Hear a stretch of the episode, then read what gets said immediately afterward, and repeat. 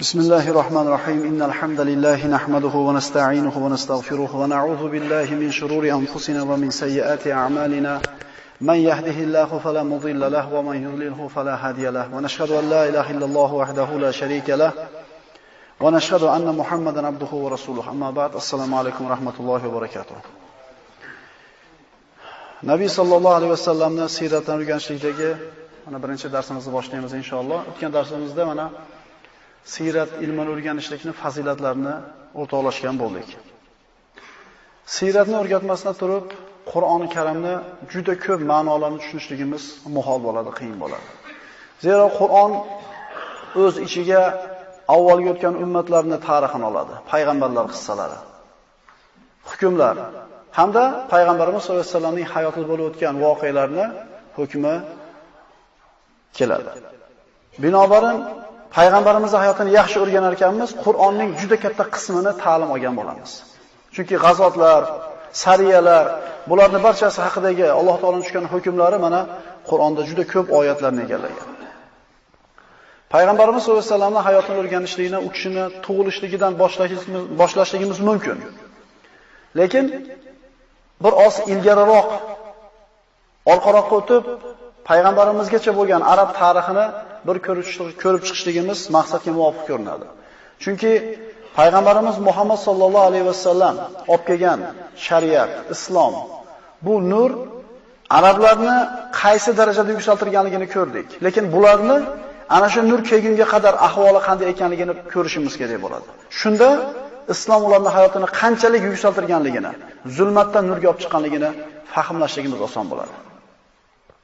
Qissamizni Payg'ambar sollallohu alayhi vasallamning hayotini, qissasini Alloh taolo Ibrohim Halilullohga o'zini ayoli Hojar va Ismoilni hech qanday o'simlik o'smaydigan, hech qanday bir odam yashamaydigan Bakka vodiysiga tashlab kelishlikka buyurganlik bilan boshlaymiz. Alloh subhanahu va taolo payg'ambarlarning ichida Ibrohim Halilullohni va Ibrohim allazi vaffa deb maqtadi. U vafo qilgan Ibrohim edi. O'zini o'tga uloqtirishganida Alloh taoloning amridan chiqmadi, vafo qildi. Bir dona bo'lgan farzandi 85 ga kirganda ko'rgan bir donagina farzandi Ismoilni vodiyga hech kim yashamaydigan Bakka vodiysiga tashlab kelishga yurganda vafo qilgan edi. Mana shu bir dona ko'rgan o'g'lini o'zini qo'li bilan so'yishlikka buyurilganida vafo qilgan edi.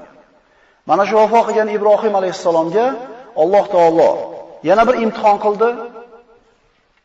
Mana aytdik 85 ga kirganda ko'rgan bir dona bolasi Ismoilni onasi Hojar bilan Bakka vodiysiga tashlashlikka buyurildi. Ibrohim alayhisalom shu paytda Falastinda yashar edi. Falastindan ayoli Hojarni va o'g'li Ismoilni yetaklab Bakka vodiysiga olib keldida, ularni qoldirib orqasiga qarab qaytib qoldi. Mashhur qissa, payg'ambarlar qissasida bir mufassal yoritilgan bo'ldi inshaalloh. Orqasiga qarab ketayotganini ko'rib, Hojar "Ey Ibrohim, bizni tashlab ketasizmi bu yerga?" dedi. Ibrohim alayhisalom indamadi. Ikkinchi marta so'radi. Yana indamadi. Shunda Hojar ona "Yo, Alloh buni sizga buyurdimi?" dedi.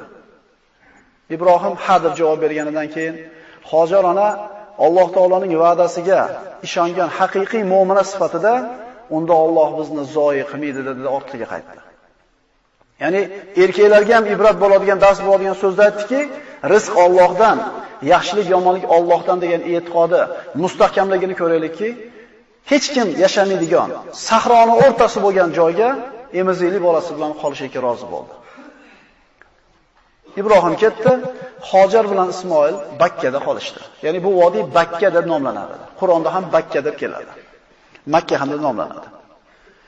Bir qancha vaqt o'tgandan keyin suv tugadi. Ismoil yig'lashni boshladi. Hojar ona suv istab, mana hammamizga mashhur Safo bilan Marva o'rtasida 7 marta say qilib yugurdi. Alloh taolo bu mu'mina ayolga mukofot tariqasida Zamzam suvini chiqarib berdi. Shunday qilib Makka vodiysida yoki Bakka vodiysida suv paydo bo'ldi. Arablarning tarixi nihoyatda bir katta, uzoq tarix. Lekin ana shu bir qisqaroq gapirishga harakat qilamiz. Arablarning asl vatani Yaman bo'lgan. Asli arablarning vatani Yaman hisoblanadi.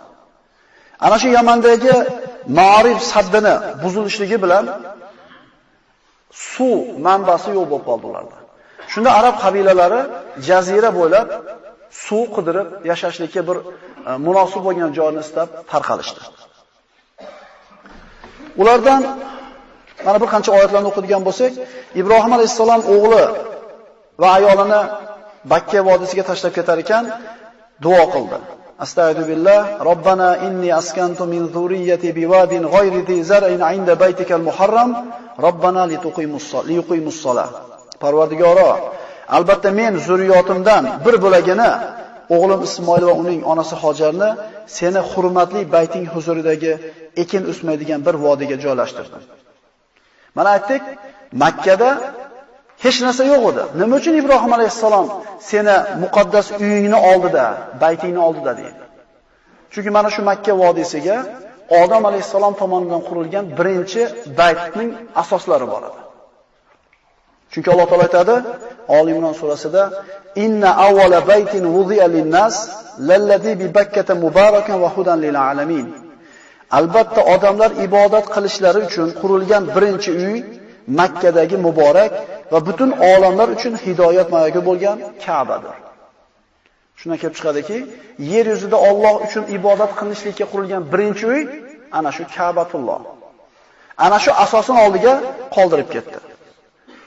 Boshqa oyatda ja'alallohul ka'batal baytal haroma qiyaman linnas. Alloh subhanahu va taolo Ka'bani, Baytullohni odamlar uchun to'g'rilik asosi qilib qo'ydi. Demak, Ka'ba bo'lgan. Keyinchalik vaqt o'tishligi bilan to'fon tufayli bu buzilib ketgan. Ibrohim alayhisalom o'g'li Ismoilni Makka ga tashlab ketar ekan, ziyorat qilib turdi. Ana shu balog'at yoshiga yetganidan keyin uni so'yishlikka buyurildi. Bu imtihonni o'tgandan keyin Alloh taolo Ibrohim alayhisalomga va Ismoil alayhissalomlarga Ka'bani qurishlikni buyurdi. Endi biroz orqaga qaytadigan bo'lsak, mana aytdik, Yamanda suv to'g'oni, Saddi Ma'arib yorilib ketdi dedik. Arablarning suv ichadigan manbasi yo'q bo'lib qoldi. Arab qabilalari e, Arab jazirasi bo'ylab tarqalishdi. Saqif qabilasi Toifga borib joylashdi. G'assonlar Shom atrofiga va mana shu Shomda e, Yamanda yashagan qabilalardan bo'lgan Jurhum qabilasi ular ham jazira bo'ylab suv ustab yurishgan edi. Makka ga yaqin joyga yetganida ana shu hozirgi kunga turgan Ka'bani ustida qushlarni uchayotganligini ko'rishdida bu suv borligini alomati deb ana shu joyga qarab yurib kelishdi. Kelishganida Hojar ona ana shu Zamzamning oldida o'tirar edi. Arablar karam, axloq egasi bo'lgan edi. Kelib tajovuz bilan, zo'ravonlik bilan tortib olmadi, balki shu suvdan ichishlik izn so'radi. Ibrohim alayhisalom ayolini qoldirib ketayotganda Parvardigorga duo qilgan ediki, Parvardigor faj'al afidatan minan nasi tahwi ilayhim. Odamlarning qalblarini bu meni zurriyotimga yumshoq qilgin, muloyim qilgin degan edi. Bo'lmasam bitta bir zaif ayol emizil bola bilan o'tirsa, butun boshli qabila kelib shart zulm qilib tortib olishi mumkin edi. Lekin Ibrohim Halilullohning duosi ijobat bo'ldi. Hojar ona ularga haqqini to'laysizlar, yashaysizlar, ichasizlar dedi. Shunday qilib Makkada Yamandan chiqib kelgan Jurhum arab qabilasi o'tiroqlashdi, shu yerda yashadi. Ismoil alayhisalom arab bo'lgan emas. Ibrohim alayhisalom ham arab bo'lgan emas, Kanoniy bo'lgan ular. Ismoil alayhisalom ulg'aydi, Jurhum qabilasi bilan yashadi hamda Jurhum qabilasidan uylanib arablashdi. Ismoil alayhisalomgacha bo'lgan arablar arab ariba deyiladi. Ya'ni boshqa xalqlar bilan aralashmagan arablar deyiladi. Ismoil alayhisalomdan keyingi arablar arab musta'riba deyiladi. Ya'ni boshqa xalqlar bilan aralashgan arablar deyiladi. Ibrohim alayhisalomga Ka'ba qurishiga Alloh tomonidan buyurilganidan keyin o'g'li Ismoil bilan Ka'bani asosini kavlab chiqarishdi. Yana shu qumlarning ostida Odam alayhisalom qo'ygan Ka'bani fundamenti asosi bor edi. Shuni ustiga qurar ekan, uyni bir burchagi boshqa burchaklardan ajrab turishligini xohlab Ibrohim alayhisalom o'g'li Ismoilga bir boshqacharoq bir tosh topib deb buyurdi. Ismoil aylandi atrofda, lekin bir chiroyli bir ko'zga ko'rinadigan, ajralib turadigan tosh topolmasdan kelganida Ibrohim alayhisalom oppoq bir toshni qo'yib, binoni urib davom etkizayotgan bo'ladi. Ya'ni bu atrofda bunaqa oq tosh bo'lmaydi. "Ey ota, bu toshni sizga kim olib keldi?" deb so'raganida, Jibril uni jannatdan olib chiqib berdi dedi. Biz bilgan Hajarul Aswad o'zi aslida jannatdan chiqqan oq tosh bo'lgan. Nabiy sollallohu alayhi vasallam aytganlaridek, odamlarni gunohkor qo'llari, gunohkor odamlarning qo'llari teyorganligidan qorayib ketdi dedi. Hozirgi kunda siz bilan biz ko'rib suratida yoki o'zini borib ko'rganimizda hammasi Hajarul asvat emas. Agar diqqat qilib e'tibor berib qaraydigan bo'lsak, ichida 4 ta yoki bir 5 ta mayda-mayda bo'laklari qolgan. Inshaalloh mana shu darslar davomida o'qiymiz. Qaromita degan bir firqalar chiqib, Ka'batullohdan Hajarul Aswadni sug'urib olib ketishgan. Keyin qaytarib kelib qo'yilgan, lekin ana shu asl katta holatda qolgan emas. 3 ta yoki 5 ta mayda-mayda bo'laklari bor uni. Ibrohim alayhissalom Ka'bani qurib bo'ldi. Alloh tomonidan buyruq bo'ldi. Odamlarni haj qilishlikka chaqiring dedi. Ibrohim alayhissalom Parvardigor, men bitta odam bo'lsam, qana qilib ovozimni insonlarga yetkazaman deganida Alloh taolo inna ma'alaykal adan va alaynal balagh. Sizdan chaqirib qo'yishlik, ozon aytib qo'yishlik xolos. Yetkazishlik bizdan dedi. Necha ming yil burun, Alloh alam necha ming yil bo'lganiga Ibrohim alayhissalom chaqirgan ozon bu nido musulmonlarning qalblarida qiyomatgacha jaranglab turadi. Hajga borishlik hammaning qalbida mana shu zavqi, ishtiyoqi, shavq turadi. Bormaganlar bir borsam desa, borganlar 10 borsam deydi. Nima endi bu? U yerda borib ko'radigan oshiqcha hech narsa yo'q. Ekinzori, bog'i, da hech narsa sahro. Alloh taolo mana shu Ibrohimning ozonini musulmonlarning qalbiga joylashtirib qo'ydi. Ka'bani muhabbati bor siz bilan bizning qalbimizda. Shunday qilib arablar, arab jazirasidagilar haj qilishni boshladi. Hajni tarixi shunday boshlandi. Baytullohni ulug'lash, uni ta'zim qilishlik tarixi shunday boshlandi. Mana aytdik, Ismoil alayhisalom bilan birga Makkada Jurhum qabilasi yashadi. Bir qancha vaqt yashaganlaridan keyin arab qabilalaridan bo'lgan Xuzoat Jurhum bilan Makka mukarramani urushib talashdi hamda yengishlikka yaqin bo'ldi. Jurhum Xuzoa bilan urushyapti. Jurhum mag'lub bo'lib qolishligini sezganidan keyin Ka'batullohning oldidagi Zamzamni ko'mib tashlashlikni qasd qilishdi. Chunki Makkada yashashlikni asosiy sababi Zamzam qudug'i, Zamzam suvi edi. Agar suv bo'lmasa, bu yerda yashashlik nihoyatda qiyin bo'ladi. Zamzamni ko'mishdi, Jurhum Makkani tashlab chiqib ketdi. Ba'zilari qolgan bo'ldi. Xuzoa qabilasi Makkaga hukmronlik qila boshladi. Xuzoa Makkada 300 yoki 500 yil hukmronlik qildi. Mana shu 500 yil vaqt ichida Zamzamni kavlab topisha olmadi. Mana shu 500 yil suvni tashqaridan tashib etishdi. Kelgan hojilarni suv bilan sug'orishlik Makka da yashayotgan kishilarning mas'uliyati bo'lsa, demak bular Makkadan tashqaridan tashib ichirardi. Bu nihoyatda bir mashaqqatli ish edi. To Abdul Muttolib payg'ambarimizning bobosi Zamzamni kavlanmagunicha 500 yilga yaqin muddat Zamzam ochilmasdan turdi. Ana shu davrda Huzoa qabilasini ichida Amr ibn Luhay ismli bir kishi bor edi. Amr ibn Luhay o'zini qavmini yakka sayi deydi. Eng boyi, eng saxiy, eng hurmatli kishisi edi. Uni gapi ikki qilinmas edi. Juhumni haydab chiqarib Makka ga kelib o'tira olishgan Huzoa qabilasining sayyidi Amr ibn Luhay. Shomga Amr ibn Luhay tijorat qilib chiqar ekan, hojilarni bitta o'zi sug'orar edi. Boyligi bilan ularni ta'minlardi hojilarni.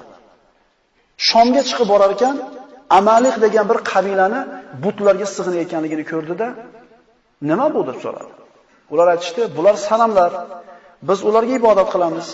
Ular bizga hayvonlarimizni semirtirib beradi, och qolsak non beradi, yomg'ir kerak bo'lsa so'raymiz, yomg'ir beradi. Xullas, yuqarribuna ilallohi zulfa. Bizni Allohga bir qadar yaqin qiladi deb shirkni ular aytishdi. Amr ibn Luhay bizga ham yomg'ir kerak bo'ladi, ko'p qiylanamiz. Bizga ham bitta o'sha butilardan bersanglar, biz ham olib borib sig'inardik dedi. Arab jazirasiga shirkni birinchi bo'lib kirgan kishi Amr ibn Luhay bo'ladi. Unga Hubal degan butni sanamni berishdi. Makkaga olib keldi, Makka ahlini unga ibodat qilishlikka buyurdi. Shunday qilib, Makkada va Arab jazirasida shirkni boshlagan kishi Amr ibn Luhay bo'ldi. Imom Muslim rivoyat qilgan sahih hadisda Nabiy sollallohu alayhi vasallam aytadilar, Amr ibn Luhayni deydi. Arablarning dinlarini birinchi bo'lib o'zgartirgan Amr ibn Luhayni jahannamda ichaklarini sudrab yurganini ko'rdim deydi. Chunki bu arablarning ichida shu paytgacha yo'q bo'lgan gunohni, shirkni olib keldi. Arablar tavhidda edi. Ibrohim alayhisolamning dinida edi. Allohni bir deb bilishar edi. Lekin Amr ibn Luhay shirkni birinchi bo'lib boshlab bergan kishi bo'ldi.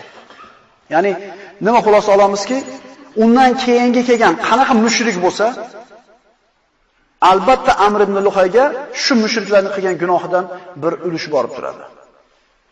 Nabiy sollallohu alayhi vasallamda shunday mazmunda hadislar bor. Qaysi bir kishi yomon sunnatni paydo qilsa, odamlar unga erishib amal qilsa, shu gunoh qilganlarning gunohidan unga ulush borib turadi deydi.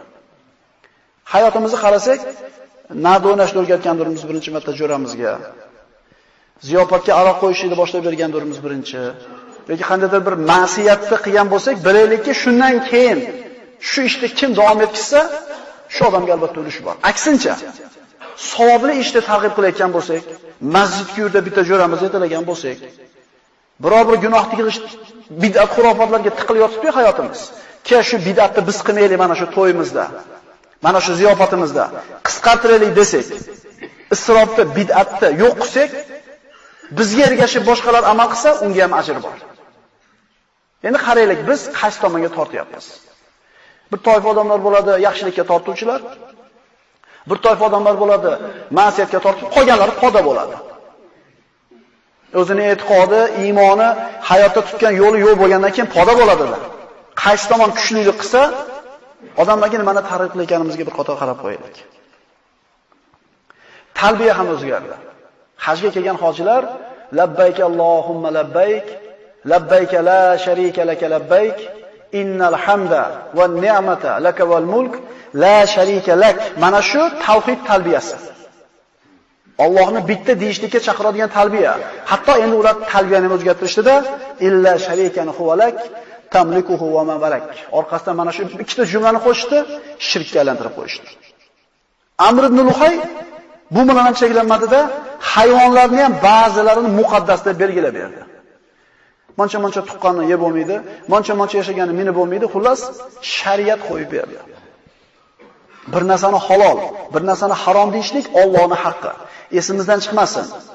Halolni harom degan kishi, haromni halol degan kishi qasdan kofir bo'ladi islomda. Kim bo'lishidan qat'i nazar. Bir narsani halol, harom deyishlik Alloh va Rasulining haqqi. Bu bo'lmaydi bu, buni qilsa. Bu yomon bo'ladi deb har xil so'z bilan nima qilinadi? yo'l ko'rsatiladi. Makkadagi eng katta sig'iniladigan but bu Hubal edi. Quraysh Makka ahli e, Makka ahli mana shu Hubalga sig'inar edi. Payg'ambar sollallohu alayhi vasallam Makka fathida butlarni bittama-bitta sindirar ekan, oxiriga qilib Hubalni qoldirib qo'ygan edi. Uni ham oxirida Payg'ambar sollallohu alayhi vasallam parchalab sindirdi. Chunki arablar qaysi darajada jaholatda ekanligini ko'rib turib, keyin islom ularga nima olib kelganligini ko'rsak, shunda payg'ambarimiz risolatining buyukligini qadriga yetamiz.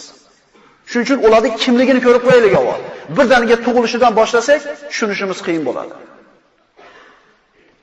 Alloh Qur'onda Nuh alayhisalom qavmi haqida xabar berib aytadi: "Va qalu la tazarunna alihatakum va la tazarunna waddan va la suwa'an va la yaghutha va la ya'uqa va nasra." Va o'zlariga ergashgan tuban pastkash kimsalarga sizlar hargiz o'z xudolaringizni tark qilmanglar. Vadni ham, Suvoni ham, Yag'usni ham, Yauqni ham, Nasrni ham hargiz tark qilmanglar. Mana shu ismizga qilingan 5 ta odamni ismiga qo'yilgan butlar ham Makka da bor edi. Jazirada bor edi. Vudga Banu Kalb sig'inar edi. Suva degan olihasiga Banu Huzayl, Yag'us degan butiga Toy ahli va Jarash ahli ibodat qilardi. Yauqqa Hamazon, Nasrga ahli Yaman. Mana shunday shirkni tarqashiga Amr ibn Luhay sabab bo'ldi. Bu butlarning ichida eng ajablanarlisi Isof va Noila degan butlar edi. Isof va Noila. Bu tarixi shundayki, ikkalasi ham Yamanlik bo'ladi, arab bo'ladi. Bir-birini sevishadi. Isof Noilani qo'lini so'rab otasiga sovchi qo'yganda, otasi rad javobini beradi. Shunda Isof bilan Noila keyingi haj mavsumida uchrashamiz deyshti. Hajda uchrashdida Ka'bani oldida odamlar beparvo bo'lib turgan paytda zino qilishdi. Sevishganlar. Alloh taolo bu ikkisiga Ka'bani hurmatini bir ko'rsatib qo'ydi odamlarga ibrat qilib. Ikkalasini toshga aylantirib qo'ydi. Isof bilan Noila mana shu qilgan gunohi uchun Alloh tomonidan toshga aylantirdi. Hamda Makka ahli mana shu ikkala haykalda bittasini Safoga, Isofni Safoga, Noilani Marvaga qo'yib, odamlarga ibrat bo'lsin. Ibrat bo'lsin. Allohning uyini oldi gunoh qilishlik shunday bir jazolanishidan ibrat olsin deb Alloh taolo shunday qildi. Ular qo'yib qo'yishdi.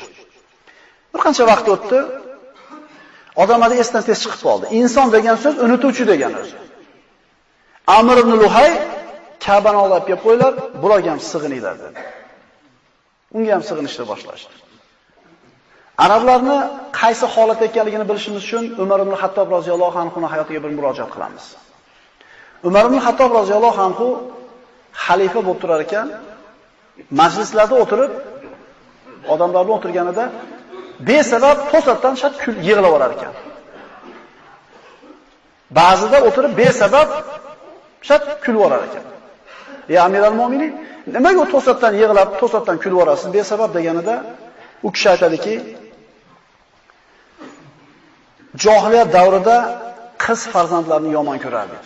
Eshitib turaylik, arablar qaysi darajada bo'lgan? Pastligi, tubanligi, razilligi, savodsizligi qaysi darajada bo'lgan? Qiz farzandlarni yomon ko'rardik. Ya'ni qiz farzand jang maydonida qilish ko'tara olmaydi, qabilasini, kuchini, quvvatini ziyoda qila olmaydi, birovning xizmatini qiladi, nomus deb biladi qiz farzand ular. Shuni asoratlariga o'xshagan narsa hozir ham yo'q emas oralarimizda. qiz farzand tug'ilsa g'am qilib siqiladiganlar. O'tirar ekanman jahiliyatda deydi. Ayolim qiz tuqqanligini xabarini berishdi. Men sabr qildim deydi. Sabr qildim 6 yoshga kirguncha. 6 yoshga kirganida qizimni qo'lidan yetalab olib bordim sahroga. Chuqur kavladim, qizimni shu chuqurga tashlab, ustiga qumni tuproqni tortayotganimda ko'tarilgan chang soqolimga tegsa, qizcham chuqurda turib soqollarimni qoqib turardi deydi. Mana shunday holatda qizimni ko'rib kelganman dedi. Hech qaysi hozirgi kundagi jaholat, hech qanaqa bir ahmoqlik bularda jaholatga yetmaydi. Chunki o'zini qizini olib borib tirikdan ko'mib kelyapti. Ana shu kichkinagina barmoqchalari qimirlamay qolguncha turpoq tortdim ustiga deydi. Shuni o'ylab deydi, yig'layman deydi. Shunchalik johilligimiz o'ylab turib yig'layman deydi. E tasavvur qilib ko'ring-da, oldiga kelgan qizingizni olib chiqib ko'mishingizni. O'lganim yaxshi deysizda, chunki sizni aqlingizga sig'maydi, chunki islom sizlarni shunday tarbiyaladiki, bu sig'dira olmaymiz aqlimizga bu narsani. Endi kulishimiz sababi deydi, Makkaliklar Makkadan tashqariga chiqib ketadigan bo'lsa, Makkani toshlardan olib, o'zlarini olib ketar edi-da, yo'lda shu toshga qarab sig'inishardi. Makkani toshi. Bir marta safarga chiqib ketar ekanman deydi, tosh ololmabman deydi. Ibodat qilish kerak bo'ldi. Nimaga ibodat qilaman? Qarasam, Makkadan o'zimni olib chiqqan xurmo bor ekan deydi. Xurmoni oldim, birini ikkinchisiga yopishtirib, bir timsol haykal yasadimda ibodat qilib oldim deydi. Ibodat qilib oldim, qonim ochib ketdi deydi. Yegani boshqa narsam yo'q, hali ilohimni yeb qo'ydim deydi. Buni o'ylab deydi. Shunchalik johilligimiz o'lib kulgim keladi deydi. Bu kim aytayapti bu gapni? Umar ibn Hattob roziyallohu anhu aytayapti. Islom mana shunday bir johil qavmni orqada qolgan, zulmatda qolgan qavmni nurga olib chiqdi. zalolatdan hidoyatga, tubanlikdan yuksaklikka olib chiqdi. Biz arablarni payg'ambarimiz sollallohu alayhi vasallam kelgungacha bo'lgan tarixini bir ko'rib chiqmasdan turib, payg'ambarimiz qanchalik ularni bir olib chiqqanligini tushunib yetishimiz qiyin bo'ladi. Arab jazirasiga yahudiylar qanday kirib keldi? Nasroniylik qanday kirib keldi? Forslar qanday qilib Arab jazirasiga hukmron bo'lishdi? Mana bilamiz, payg'ambarimiz sollallohu alayhi vasallam payg'ambar bo'lib yuborilganlarida Yamanni forslar boshqarardi. Yaman hukmi forslarning qo'lida edi. Qanday qilib forslar Yamanga kirib keldi? deyarli hamma muariflar, Tabari, Ibn Asir, Ibn Kasir va boshqalar keltirgan Yamandagi arab podshohlaridan biri Robi ibn Nasr tush ko'rdi. Juda bir uzoq qissa, lekin xulosasi shuki, tushini kohin va munajjimlarga aytib berganda, yaqin fursatda ichida habashlar, ya'ni negirlar, habashlar Yamanni egallashadi degan xabarni berishdi. Ko'ringki, shirk johiliyat rivojlangandan keyin kohinlar bilan munajjimlar ish yurishib qoladi, baxshilar ish yurishib qoladi-yu. Eshitib qolasan, bizning mahallamizda bitta baxshi bor, eshigini tagida falonchi, falonchi, falonchilar o'tiradi deydi. Falon-falon odamlar o'tiradi deydi. Nimaga o'tiradi desa, dindan bexabarda. U baxshini nimaligi, uni qo'lidan hech narsa kelmasligini tushunadigan ularda bir ilm ma'rifat yo'qda. Agar birovda ishini yurgizib yuborishlik baxshini qo'lida bo'lsa, birinchi bo'lib o'zini ishini yurgizmaydimi shu odam? Nima qiladi bo'ladi bergan 50 so'm 60 so'miga qarab o'tirib. Lekin johillik rivoj topsa, dindan uzoq bo'linsa odamlar shunday holatga tushib ketadi. U o'zini oilasi, farzandlarini forslarga bir tobe bo'lib qolishdan qo'rqdi-da, Yamanga, Yamandan Iroqqa qarab ko'chdi. Iroqqa bordi, Xiro degan joyni egallab shu yerda yashadi. Robi ibn Nasr vafot qilgandan keyin uni farzandlarining qo'liga hukm etdi. Yamanliklarda Tubba deb podsho bilan laqablashardi. Mana bilamiz, forslarning podshohi Kisro deylardi. Rumni podshohlari Qaysar deylardi. Habashlarning podshohi Najjoshi deylardi. Yamanliklarning podshohi Tubba deylardi. Ana shu Robi ibn Nasrning o'g'illaridan Tabban Asad ismli kishini qo'liga o'tdi hukm. Bir necha vaqt o'tgandan keyin. Uni hurmati nihoyatda bir baland bo'ldi, moli dunyosi ko'p edi, boy, saxiy kishi edi. Kunlarning birida mana shu Tabban Asad Shomga tijorat qilishlik, sayohat qilishlik maqsadida yo'lga chiqadi. Yasribga yetganida, hozirgi kundagi Madina. Yasribga yetganida o'g'illardan bittasini qoldiradida shu yerda tijorat qilib turdi deydi, o'zi Shomga ketadi. Tabban Asadning o'g'li Yasribliklar bilan kelisha olmay qolib urushib, Yasribliklar uni o'g'lini o'ldirib qo'yadi. Tabban Asad qaytib keladi, Yasrib ahli bilan urushadi. Yasrib ahlini axloqidan dahshatga tushadi. Ya'ni Yasribliklar Madinaliklar, keyin Madina deb nomlangan. Kunduzi Tabban Asad bilan urushib turib, kechki payt unga ovqat, sovg'a-salom, kiyim-kechaklar jo'natishardi. Bu sahiylikni, karamni cho'qqisi edi. Ya'ni dushmaniga shunday yaxshilik qilishardi. Lekin o'g'lini o'chin olaman degan qattiqligida turib oldi. Yasribda asli Shomda bo'lgan, lekin Madinaga kelib yashayotgan yahudiylar ham bor edi. Ana shu yahudiylardan ikki kishi Tabban Asadni oldiga chiqib keldida, "Nima uchun urushyapsan? Nimani xohlaysan?" deydi. Tabban Asad Yasribni vayron qilaman dedi. Ular aytdi, "Sen vayron qila olmaysan buni" dedi. Unda Alloh seni halok qiladi dedi. Nimaga unaqa deyapsizlar dedi? Chunki bizni kitoblarimizda Yasrib oxirgi payg'ambarni hijrat qilib keladigan joyi haqida ma'lumotlar bor dedi. Ya'ni ularning kitoblarida Tavrotda va Injilda payg'ambar sollallohu alayhi vasallam haqida aniq, aniq, aniq ma'lumotlar bor edi. Hattoki ba'zi oyatlarda keladi, ular sizni dedi Muhammad alayhisalom, o'zini o'g'il farzandlarini tanigandan ko'ra yaxshiroq taniydi ular dedi. Lekin bilib turib o'jallik qilgan, bilib turib kofirlik qilgan. Tabban Asad Tavrot nima, tavhid nima so'raganda ular unga tushuntirib berishdi. Tabban Asad Yahudi diniga o'tdi. o'zini qavmini kelib yahudiylikka chaqiruvdi, qavm qabul qilmadi. Aqulu qawli hada va astagfirullohi li va lakum. Assalomu alaykum va rahmatullohi va barakatuh.